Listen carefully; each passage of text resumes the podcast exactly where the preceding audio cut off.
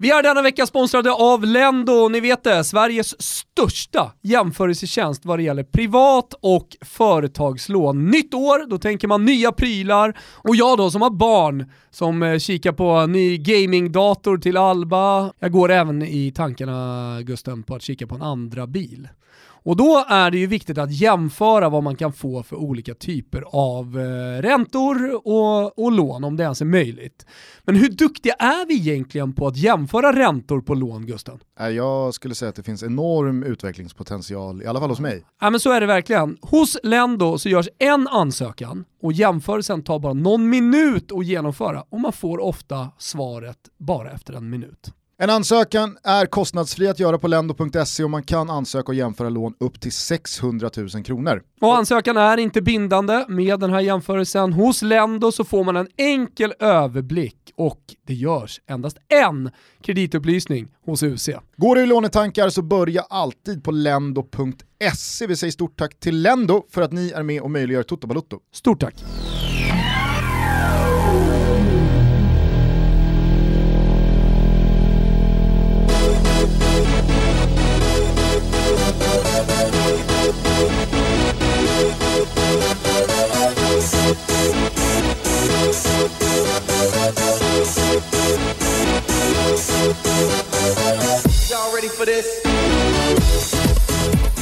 Känn er varmt välkomna till Toto Balotto. Det är torsdag den 11 februari. Äntligen! Jag har fan i mig namnsdag idag. Är det så? Ja. Tror du Gusten var ett eh, sånt där namn som inte hade namnsdag? ja, det är helt korrekt. Men jag har ju ett till namn. Aha, Yngve. Ja, är det Yngve då? Visst. Stolta Yngve. Stolta jävla Yngve. Kanske ska superproducent Kimpa Wirsén få avsluta den här episoden med eh, något härligt solo av eh, Yngve Malmsten. Ja, varför inte? Det tror jag inte han skulle tycka var skittråkigt. Nej, Hur är läget? Eh, mycket bra.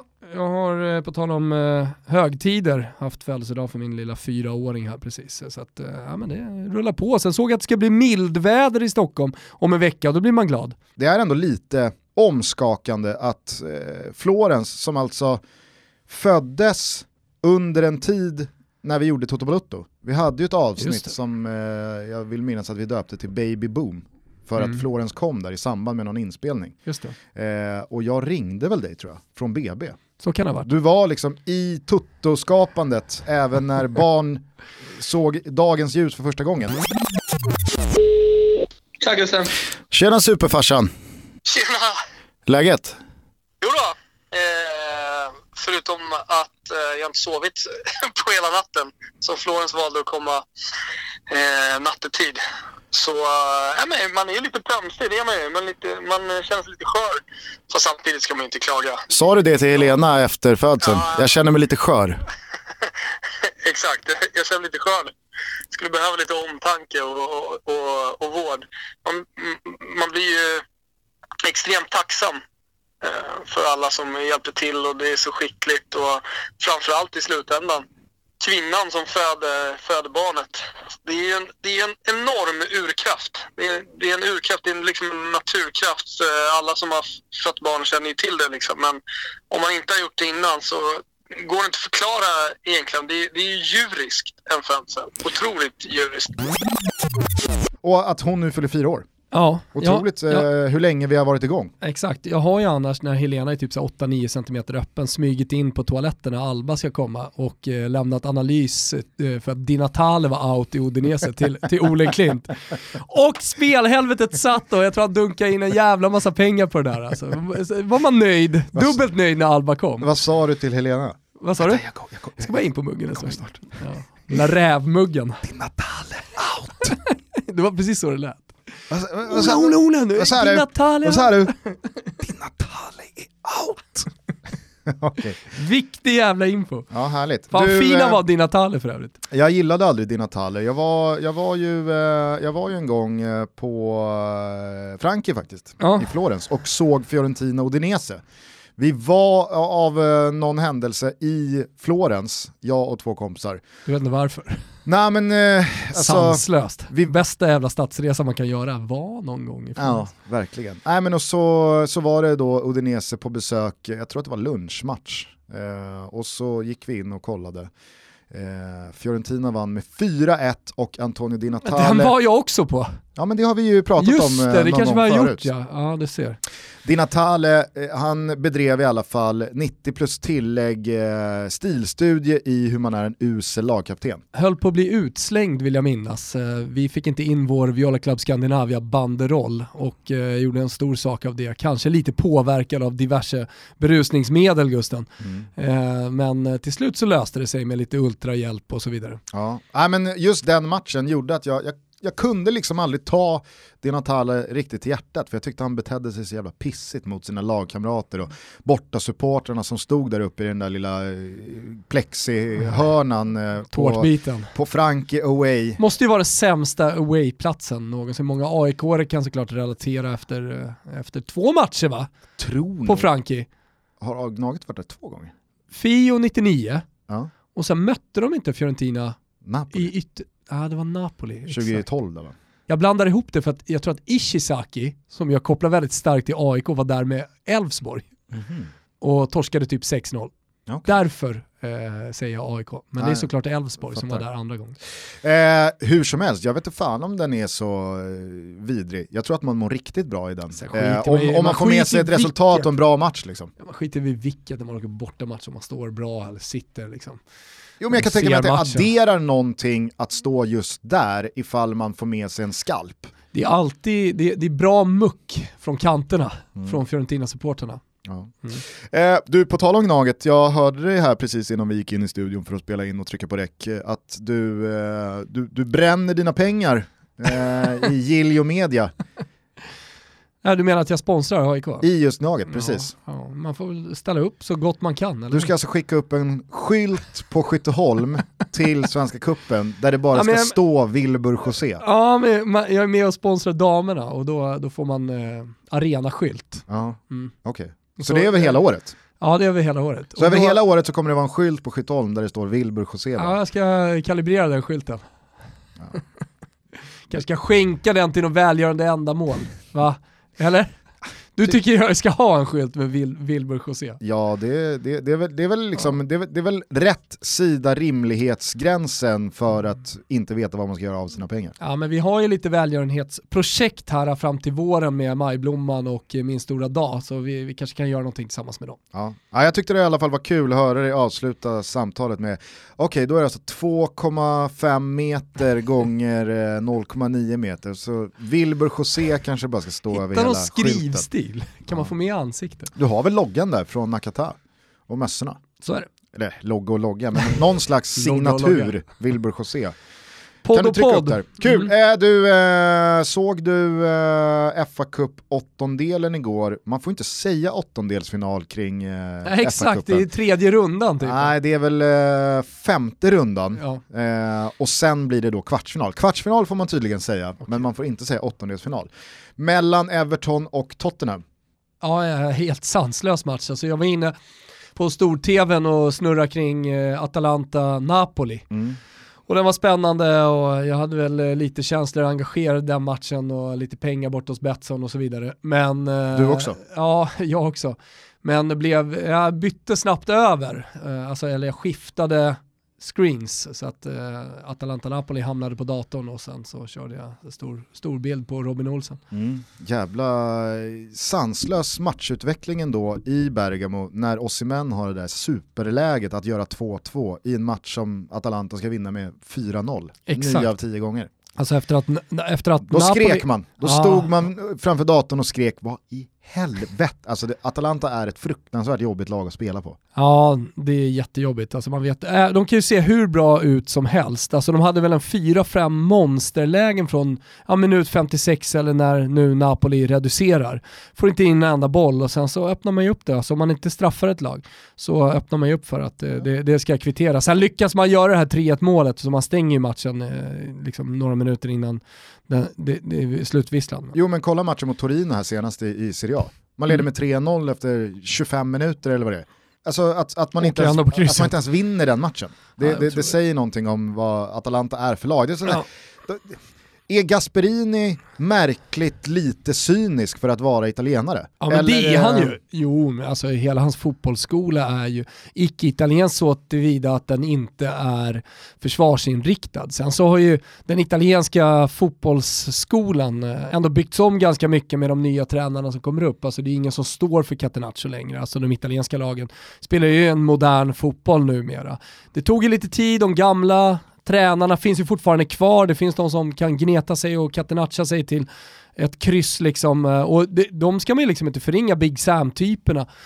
Och ja men vad har vi i Italien kvar idag? Alltså Maran till viss del såklart, eh, men hans fotboll är ju daterad också. Hans eller aktie har utdaterad. dalat. Hans aktie har verkligen dalat efter Kiev-tiden och han har inte riktigt lyckats. Så att, eh, alltså, den gamla skol, italienska skolans fotboll står ju sig inte lika starkt längre. Och, och kollar du på Pirlo, Simone Inzaghi, Filippo Inzaghi inte minst, i Benevento som spelar fotboll. Eh, du har Fabio Liverani. Nu, nu, nu var det helt Bluffen. sjukt. Alltså, Bluffen Liverani. Nej, men det sjuka med Liverani, vi ska alldeles strax komma till Spurs, det fattar ju alla, till och med Hillman. Men eh, alltså det sjuka med honom var ju att han, hela, hela hans legacy, eller lilla legacy med, med Lecce var ju att han spelade en anfallsinriktad jävligt härlig fotboll. Och sen så skulle han då ta över Parma och göra om Parma från Daversa-bollen och då spela en, en mer possession-lik fotboll. Och sen, ja, men, med stora risker ska man väl ändå säga, för det är väl det på något sätt som kännetecknar eh, den moderna fotbollen. Med större risker i alla fall än Catenaccio.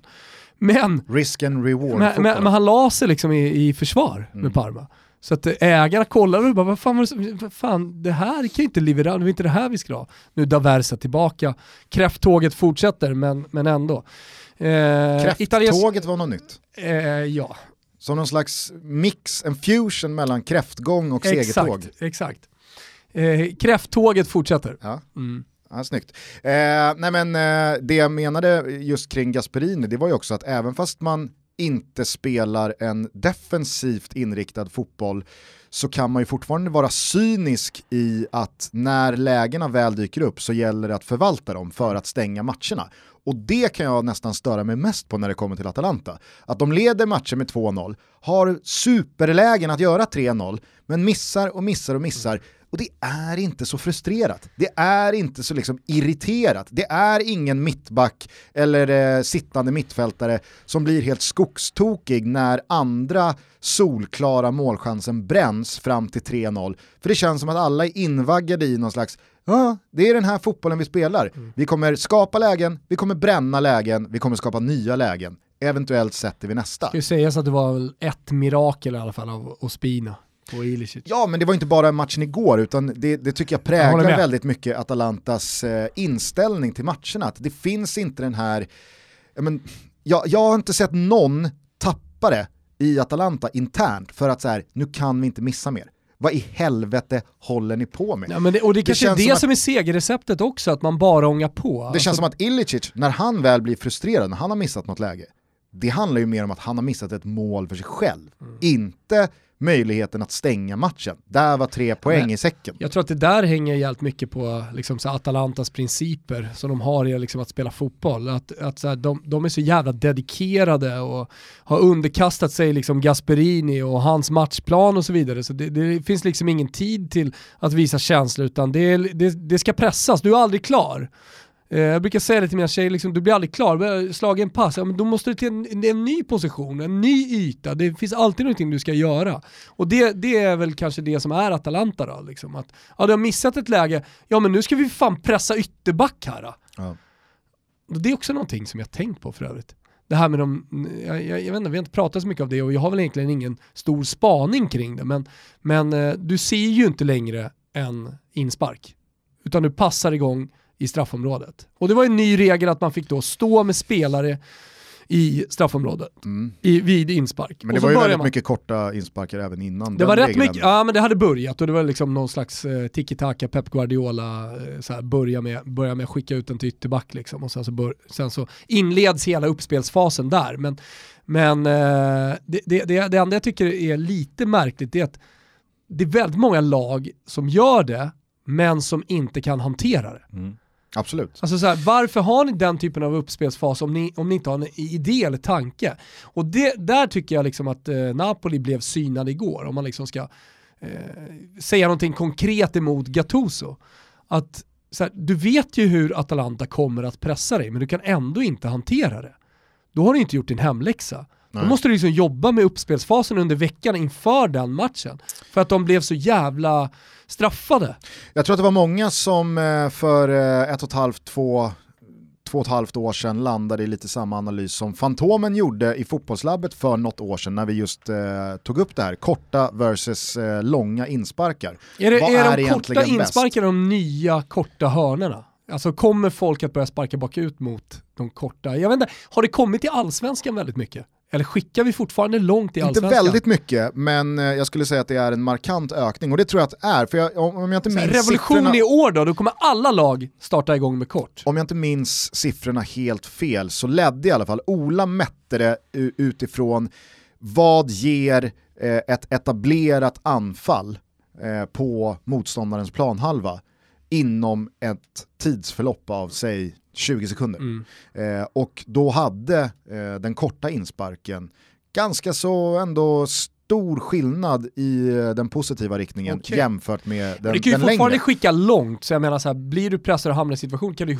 fortfarande köra den där bollen och kanske har du fått en rörelse liksom på anfallsspelarna som Absolut, är bättre men, än att men, alla står och väntar. Men du nämner ju någonting här initialt med Maran och den skolan och, och den typ av fotbollen, att den är på väg att dateras, nämligen den riskminimerande fotbollen det är ju liksom den, den, stora uspen med en längre inspark. Det är ju att hur du än liksom agerar på bollen sen, om du vinner första duellen eller andra duellen. Alltså det ska mycket till Fan, för att det ska sluta, andra bollgubbar. Men för att det ska sluta med ett avslut mot eget mål när du skickar en längre inspark. Det är ju i grund och botten så tror jag att varför eh, Maran och Lars Lagerbäck och en del andra, Big Sam och så vidare, landar i att vi packar laget på så liten yta som möjligt i ytterzon på andra sidan mittlinjen och så skickar vi bollen ditåt i en längre spark med snö på.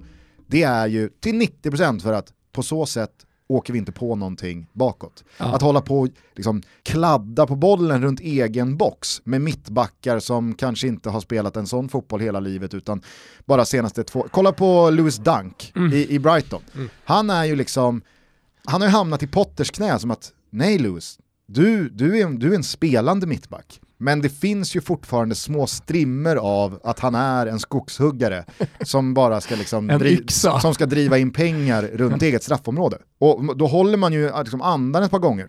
De gånger man sitter med spel på Brighton eller har en eh, Brighton-nolla i spel i, i fantasyn. Eller, och så har Lewis Dunk och, och de andra liksom, skogshuggarna bollen vid fötterna och så ska spela tiki-taka-fotboll. Ja, men det är det jag menar lite grann det blir... Ah, Visst, du kan fortfarande ta nödutgången och skicka den långt liksom. Men eh, jag, jag, jag vet inte, jag tror att det kommer vara en revolution i alla fall i allsvenskan i år. Jag tror att alla lag kommer, kommer rulla igång den kort. Jag skulle... För lite också så här att du kan inte vara en tränare som inte rullar igång kort. Förstår Nej. du? Att det, det, det, blir för mycket press på, på, på coacherna. Jag skulle faktiskt vilja uppmana någon av våra lyssnare att jaga tag i en, eh, en freeze frame av hur eh, Lasse Lagerbäcks svenska landslag såg ut vid egen inspark.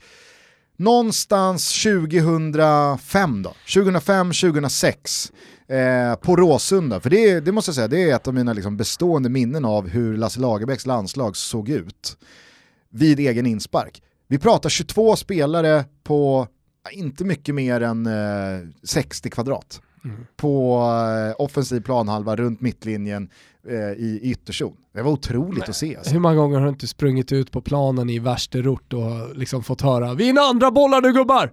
inte bara det, är liksom... det är jag som kommer, jag, jag, ja. jag kommenderade ut den orden. Etta, tvåa. Kommer ju sakna etta, den. tvåa ja, var det jag sa. Etta, tvåa nu gubbar. Mm. Etta, tvåa, etta, tvåa. Du körde inte andra bollen. Etta, tvåa! Kommer du inte sakna det? Jo. Och det är ju snart borta. Och det kommer såklart komma tillbaks.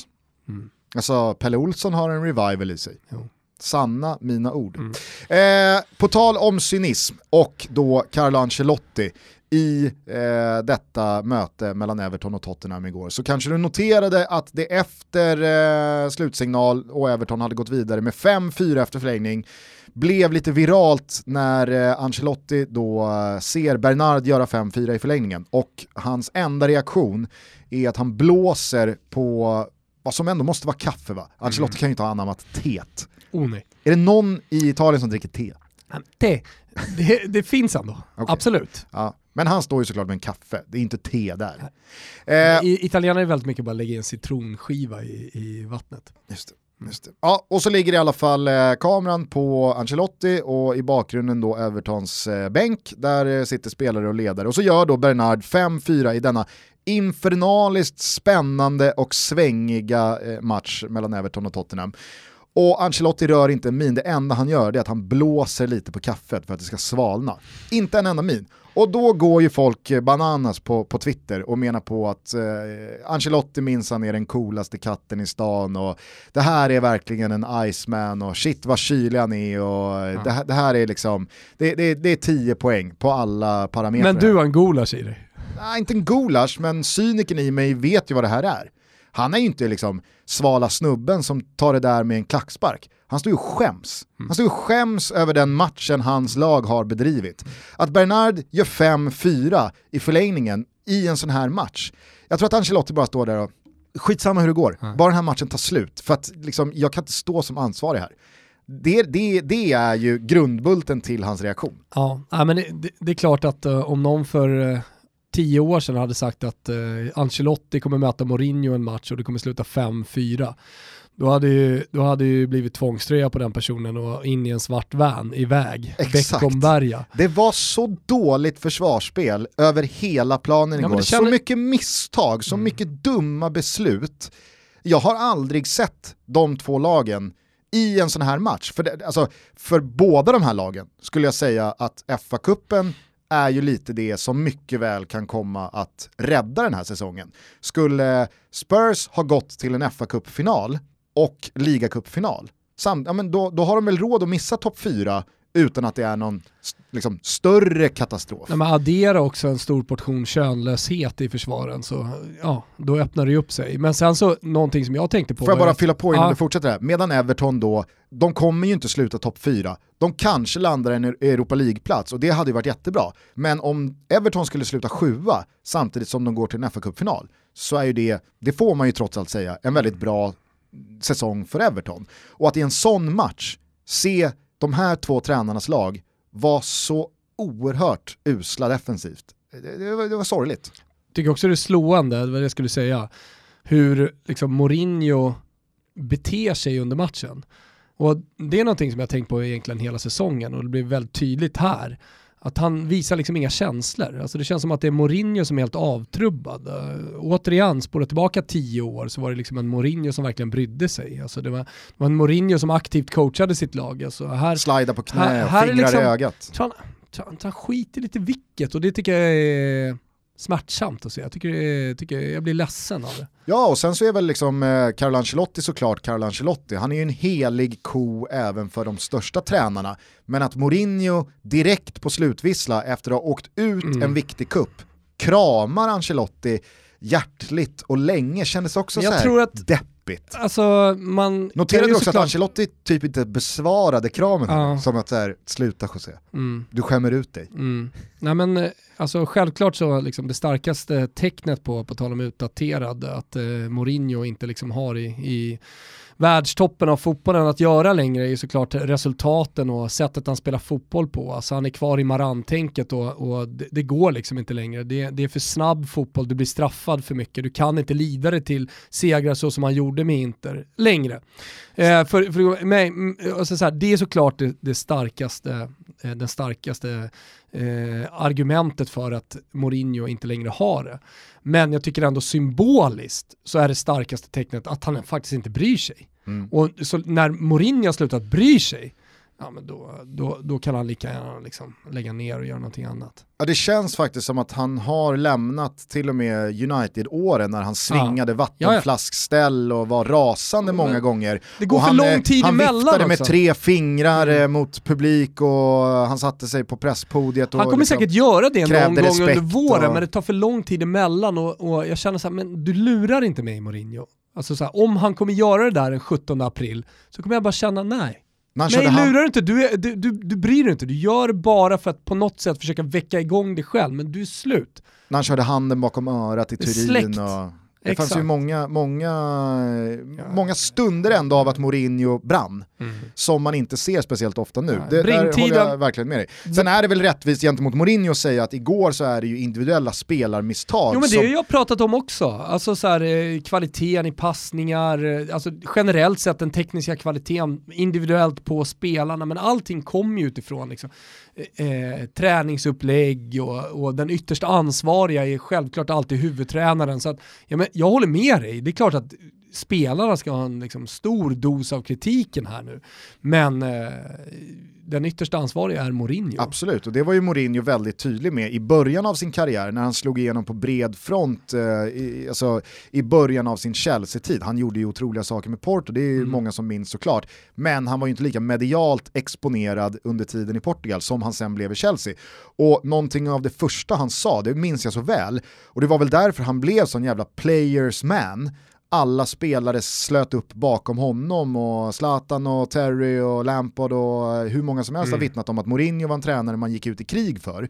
Det var ju att han direkt sa, när laget vinner, då är det spelarnas förtjänst. När laget förlorar så är det mitt fel. Mm. Alltså, han var så tydlig i den taken på ansvarsfrågan att när laget vinner, då ger han spelarna all cred, för då är det de som har gjort något bra. Så fort resultaten går emot, då är det bara mig ni ska skylla på. Mm. Så att han är ju medveten om vems felet är, men igår, och det, alltså, nu har det ju gått väldigt lång tid sedan första vändan i Chelsea, mm. men det är också ett tecken på att Mourinho har förändrats åt ett håll som snarare vittnar om att det börjar nog sjungas på sista versen, att han själv står efter en match igår och pratar om ja, vad ska jag göra? Vi är det bästa laget eh, vid, vid 1-0 första halvtimmen, men sen är det misstag, misstag, misstag.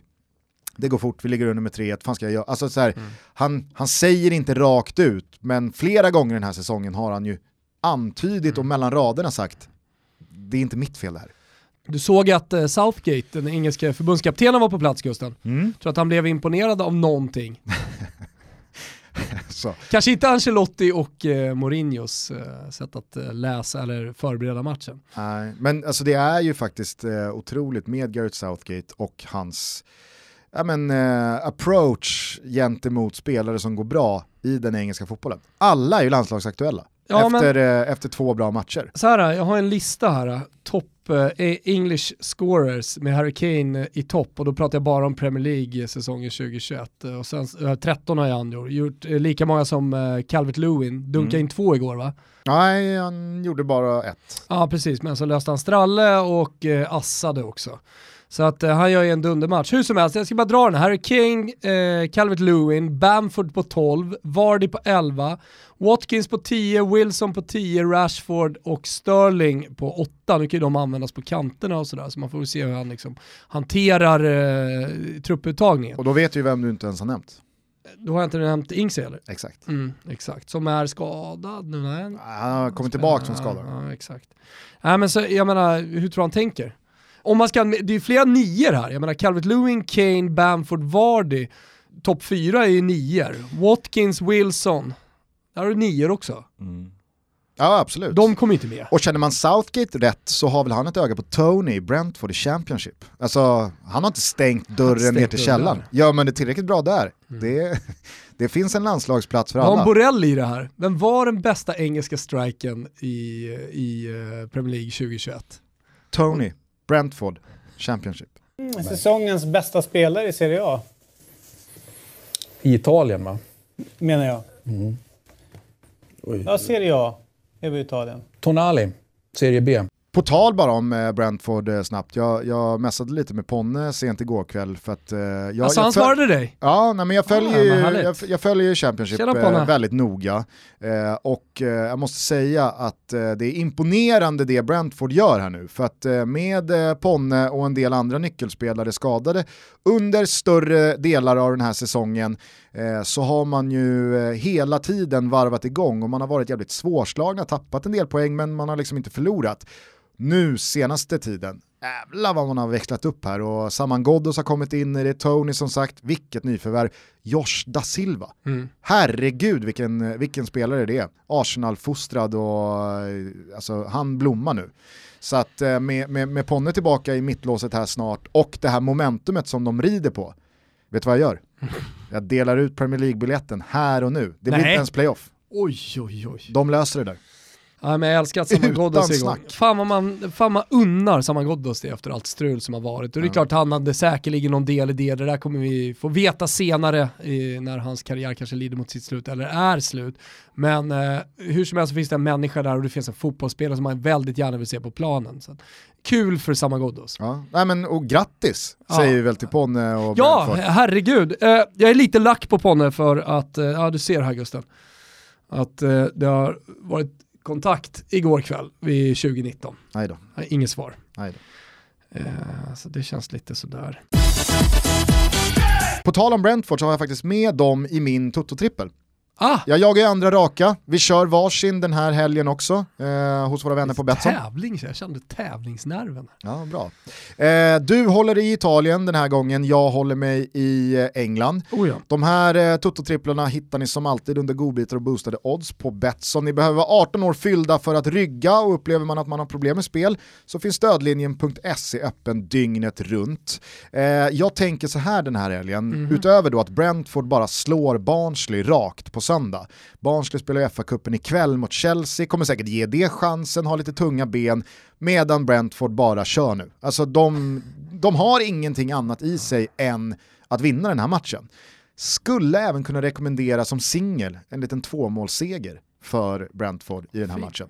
Men jag fyller på min trippel då, utöver Brentford rak seger mot Barnsley, med att City vinner med två bollar mot Spurs, som alltså gick 120 minuter igår, och som jag tror eh, inte har någonting att hämta på Etihad. Eh, City vinner med två bollar, och jag tror att United gör samma sak mot West Brom. Mm. Jag tror att den där matchen kommer passa dem perfekt. Gör United bara första målet mot West Brom, som alltså behöver poäng och de behöver nog tre av dem för att, för att tro på det där nya kontraktet.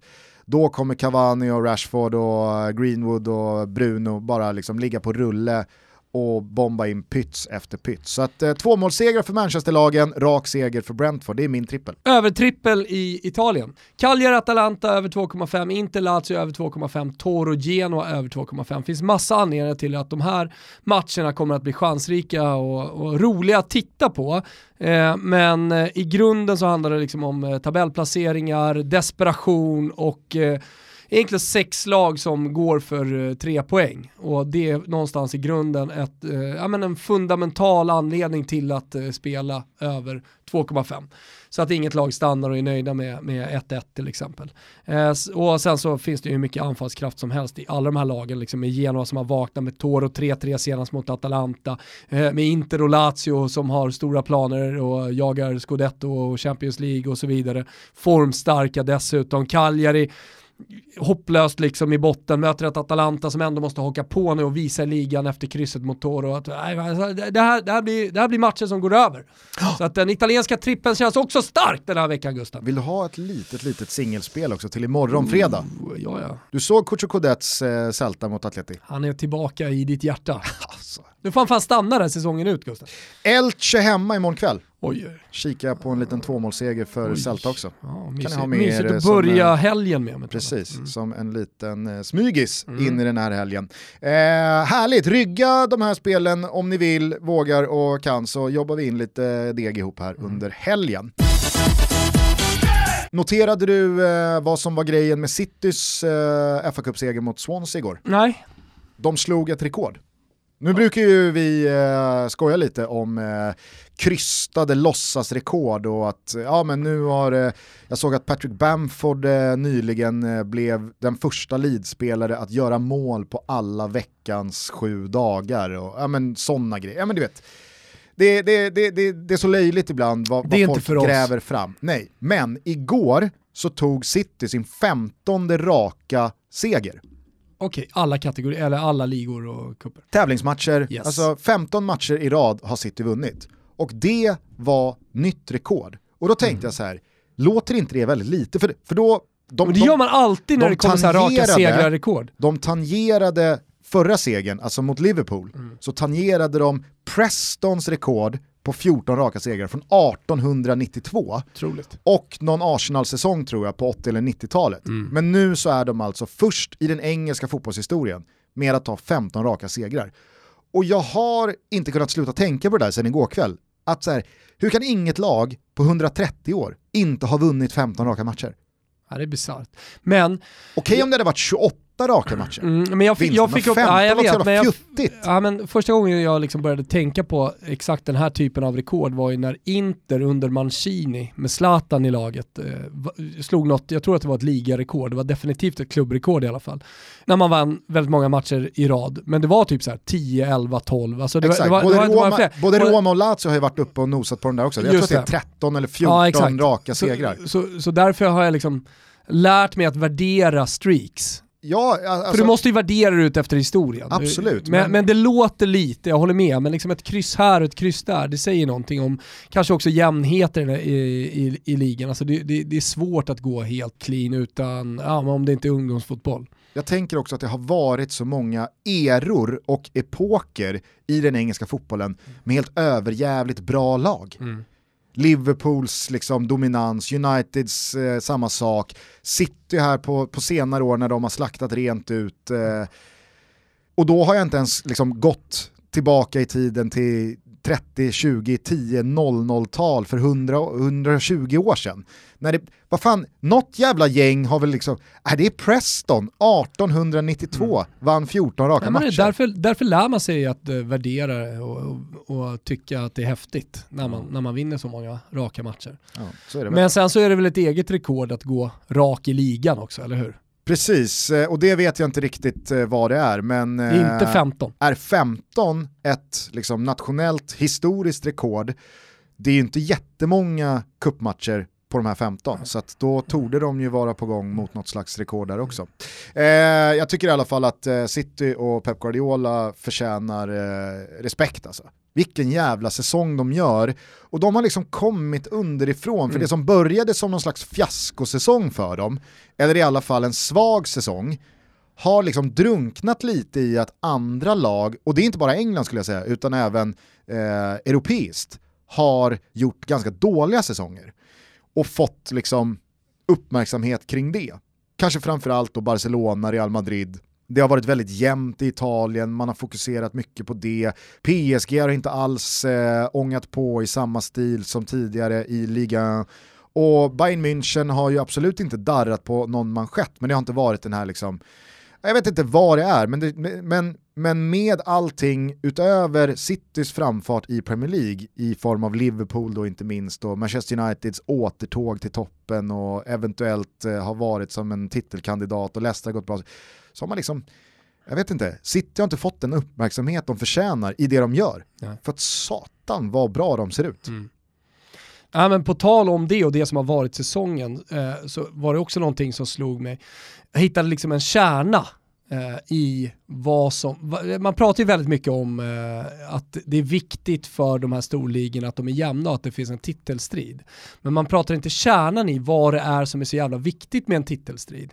Vi snackade om det sist ju, med att du eh, försökte blåsa upp den här Champions League eh, liksom, striden. Mm. Men det, det är lite sådär, små barn, små problem, stora barn, barn, stora problem brukar man ju säga. Och det har jag ju verkligen märkt nu med Stella som börjar komma in i förpubertet och liksom det börjar hända grejer. Man märker att problemen är, kommer bli större och de kommer bara växa under ett antal år framöver. Och det är ju precis det som är kärnan i liksom, eh, en titelstrid och varför det är spännande. Det är polemiken.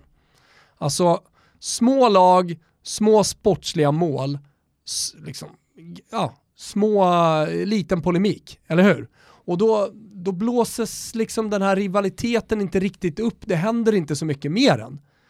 Men, kolla på Italien nu. Mm. Kolla på Antonio Conte som drar fingret till Agnelli.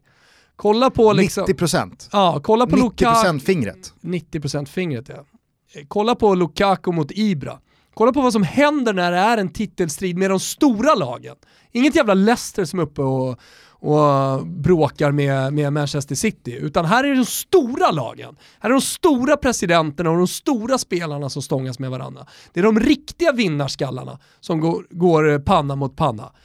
Då händer det någonting. Och det är det som är kärnan i allting. Tjafset, jiddret, polemiken, antagonismen. Mm. Nej, jag, jag, jag, kan bara hålla med. Vad är Ska... fotboll i slutändan? Jo, det är antagonism. Det är känslor. Exakt, det och antagonismen, eller polemiken, tjafset, jiddret, det är de känslorna som är starkast. Hatet. Hatet. Rivaliteten. Kärnan i fotbollen har vi nu hittat, och det är hatet. Missundsamheten stark också. Missundsamheten kan de hålla på med kring Champions League-strecket och att något lag kanske åker ur. Den är lite rolig och den är härlig att ha med sig, men det stora, det är hatet. Och det är det vi nu ser i Italien, det är det vi har sett, vi har sett det lite i Klopp med hans sätt att hantera media, hans jag ska inte säga bitterhet. Men... Vill, eh, vill säga här att igår nådde det, inte bara mig utan nog säkert många andra, att eh, Klopps mamma dog nyligen. Ah. Och att det är eh, förmodligen en ganska så stor anledning och förklaring till att han varit eh, ganska så eh, bitsk, taggarna utåt och osympatisk senaste tiden. Har ens mamma nyligen dött? Jag vet inte, i min värld så får man eh, blå registreringsskylt då. Mm. Fri lejd, även fast man är tränare för Liverpool, att eh, vara ganska så svårälskad. Rest in peace, men man kan ju dra det ännu längre. Vilka matcher vill man åka och kolla på ute i Europa? Vilka är liksom de stora? Eller i världen? Ja, men du vill inte åka och se klubblags VM-finalen, även om det är två stora lag som ska mötas. Är du vill åka och se... Där. Vi vill åka, och mm. jag tror att det är många Toto-lyssnare som vill åka också. Men du har Boca, River och alla argentinska möten. Alltså du, du har derbyna runt om i Italien. Eh, och du har stormatcherna. Alltså du, du har Inter Juve, alltså den typen, du har eh, eh United Liverpool eh, och, och så vidare. Alltså, och vad är varför vill man åka och se de mötena? Hatmöten, eller hur? Mm. Rivalitet. Galla Fenner. Och så försöker vi få bort det liksom eh, med att, genom, vänta. Och så försöker vi få bort det genom att eh, införa villkorstrappor och vi försöker få bort det genom att eh, ta bort ståplats och allt möjligt. Då tappar man hatet och vad gör man när man tappar hatet och rivaliteten? Jo, då dör fotbollen. Jag tror också att en aspekt som Jävla väldigt många underskattar, det är att även i hat och i rivalitet, alltså pur hat, så finns eh, respekt.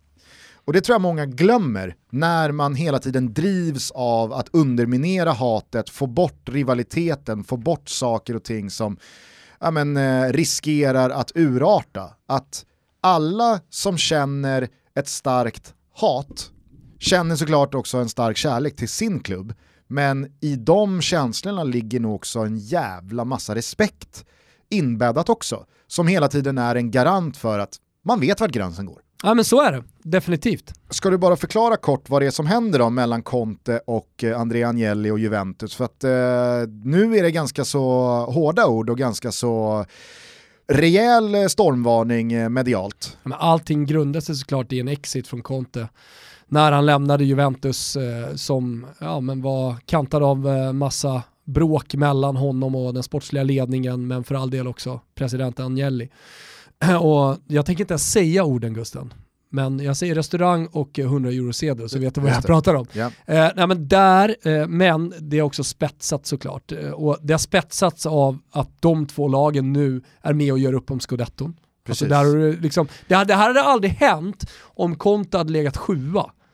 Nej. Och det inte hade funnits eh, en eh, sportslig strid mellan, mellan klubbarna. Så det, och det är lite det jag menar. Exakt, Men, hur han än lämnade så är det, det är en sak att ta landslaget och Chelsea. Mm. Det är inte lika känsligt som att komma tillbaka till Serie A-fotbollen, ta Inter och börja störta Juventus från toppen. Ja, men sen har ju Marotta varit inne och petat på Juventus-spelare och, och uh, Juventus har svarat uh, genom att Paratici har ringt då direkt till Barella, det säger i alla fall italienska medier, eh, och eh, uppvaktat honom ganska friskt. Eh, och det, det, här ska liksom ha legat i, i någon slags grund och, och spetsat på irritationen från Conte mot Juventus. Och, sen under matchen då så ska han ha fått höra en massa skit. Alltså typ som eh, ett Råsunda-fetto som står och ropar på, på tränaren. Ska, ska Agnelli ha varit då ett San Siro-fetto och, och gapat på konto under matchen? Vad jag förstår i alla fall. Stil och klass. Stil och klass, och det, där åker de ju på det igen då, Agnelli-familjen som ofta åker på det här med stil och klass. De pratar ju väldigt mycket om det själva, men, men eh, jag vet inte hur de har eh, burit eh, Lavocatos arv vidare. Men eh, det, det, är också dessutom liksom en, en Juventus-historia som inte alltid är ljus också såklart. Eh, och en, del, en del skit med Ladri och så vidare. Men eh, det där är väl inte att hedra Gianni och hans dubbla Rolex? Alltså Gianni Hålla på sådär som André gör. Nej, fan. Han, han var ute och segla med Greta Garbo i, på, på det Tyrenska havet. Sådana grejer pysslade han med. Eh, det var ganska många namn som droppades där med, med Marotta och Paratici och ja. så vidare. Men eh, för alla er som inte liksom, eh, kan dra i alla de här trådarna och har ansikten till namnen och förståelse för så är det en jävla invecklad och infekterad situation mellan Juventus och Inter sportsligt och relationsmässigt. Historiemässigt. Conte är ju en verklig klubbikon sett till Juventus historia, inte minst eh, för hans år som spelare men att han sen fyllde på med tre eller var det fyra? Kan vara fyra. Raka ligatitlar. Eh, han har väl någon slags stjärna i, i eh, marken utanför arenan eh, som den eh, levande legendar han är. Nu vill eh, delar av Juventus-supporterna att den stjärnan ska bort och för att nu bränner, nu bränner han sitt legacy. Problemet med stjärnor och statyer. Det jag däremot tycker är en alarmerande och en oroande trend från den italienska fotbollen är att sådana här tjafs, alltså Conte smyger upp något slags finger mot läktaren till 93%, eh, Agnelli säger några hårda ord om Conte, men som du är inne på, det är känslor det handlar om, det är äkta rivalitet, det är vinnarskallar, och det här var ju samma sak med, med Lukaku och Zlatan. Visst, det Lukaku säger om Zlatan och hans fru, inte snyggt. Det Zlatan säger eh, om Lukaku och hans mamma, inte speciellt snyggt men det är heller inte hela världen. Nej. När jag nu läser efterspelet i morse här från Gazettan och andra, Totosport, att äh, men nu ska Agnelli stängas av en månad och Conte ska ha böter och avstängning. Ja men det dödar, ta exakt. bort rivaliteten och hatet så dödar det fotbollen. Exakt. Det är så enkelt. Det blir liksom... Det kommer aldrig bli gentlemannasporten, eh, typ rugbyn där man går och käkar efter. Alltså, fotboll är död. Alltså, hur mycket Fiorentina han försökte återskapa den tredje halvleken i fotbollsmiljö kommer aldrig gå. Nej, Sluta med att någon spotta på någon när, de gick, när, när motståndarna gick av planen. Man, kan inte, hålla, man kan inte hålla på och stänga av och bötfälla sportsligt aktiva på den här nivån. Framförallt för att de visar jävla USP i den italienska fotbollen. Det är därför man älskar Italien nu. För att det är en av få ligor som faktiskt har det här fortfarande. Ja. Alltså rasism och genom liksom vidriga alldeles rasism och alldeles för grova, onödiga och direkt liksom karriärshotande tacklingar fine by me att gå in och liksom förlänga avstängningar i efterhand vid ett skrivbord. Men när det muckas, Aha. när liksom känslorna är utanpå och hela andemeningen med tjafset är det här är viktigt för oss. Det här är viktigt för mig, det är viktigt för dig, det är viktigt för väldigt många människor. Och visst, vi gör kanske inte den bästa reklamen för oss själva här som sympatiska, härliga personer. Men det behöver vi inte men göra. Det är vi inte heller. Nej, exakt, men det är vi inte heller. Vi är förmodligen ganska osympatiska personer, men vi tycker att det här är jävligt viktigt. Att då hålla på och vifta med månadsavstängningar och böter hit och avstängningar, det är, fy fan, det, det, det, det är ledsamt. Mm, det ledsamt måste jag säga. Ja, och sen så kan det väl kanske ha förstärkts lite av corona, att man hör allting, men det var ju uppfriskande att se Zlatan och Lukaku bråka utan att ha handen framför käften. Ja, ja. För jag upplever att det har varit ett större problem för folk. Att eh, folk pratar med handen eh, framför munnen. Men man kanske förstår varför de gör det också. Mm. Läppläsare på läktaren har ju funnits i alla ligor under de senaste 20 åren i alla fall, eller hur? Jag sökte tidigare efter en landslagsuttagning från dig, alltså vilka är det som kommer med? Ja. Skit i det. Däremot kan vi bolla Nej, men, upp... Alltså, jag, jag svarade väl med, helt ärligt, att säga att alltså, Tony finns ju på någon slags bruttolista på Southgates kontor. Så att det känns helt omöjligt. Den enda man kan räkna bort är väl Vardy, alltså just för eh, åldersmässigt. Eh, jag tror att Vardy också är en spelare som hellre, om nu coronapandemin tillåter det, piper till Spanien, Mallorca och, och petar i sig eh, 100 pints än att sitta på bänken i landslaget under ett mästerskap. Det vill inte, det vill inte Jamie Vardy göra. Nej. Och han vet att Harry Kane, om han är frisk, kommer ha hans plats i startelvan. Mm. Ja, men i och med detta så hoppar jag på EM-bröstet och eh, får igång pulsen. För det jag ville säga är att vi kommer göra en EM-podd i år och vi kommer göra ett avsnitt per land. Precis. Det här kommer vi börja släppa någonstans eh, framåt vårkanten, eller hur Gusten? April. När, när vi har solen i ögonen. Eh, det är många som har frågat nämligen, vad händer med Mästerskapspodden? Tutski Balutski kommer tillbaka och det kommer att bli, det kommer fan bli fräsigt Gusten. Ja. Vet du vad som också kommer tillbaka här? Nej. Svenska kuppen. Ah, Börjar nästa vecka och Simor sänder alla matcher. underbart. Ja. Det är fortfarande vinter, jag vet, det är dubbla minusgrader, det är kallt och det är långt mentalt till vår, allsvenskan och sol och shorts. Absolut.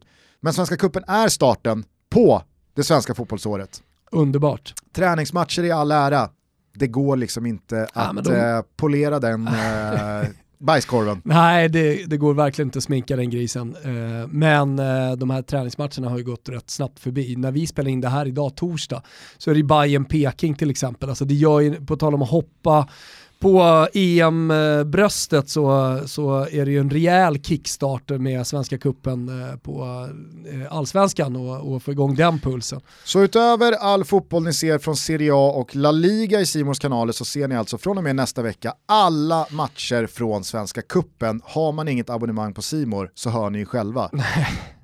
Då Man missar skaffar man grejer. Ja, då missar man grejer, då skaffar man det. Innan vi slutar så vill jag informera att K-Rauta har en alla hjärtans dag-tävling den 14 i andra, det är alltså på söndag, där man kan vinna en hotellweekend för två personer till ett värde av 3500 kronor. Så gå in på K-Rauta på Insta. Hallå där. Mm.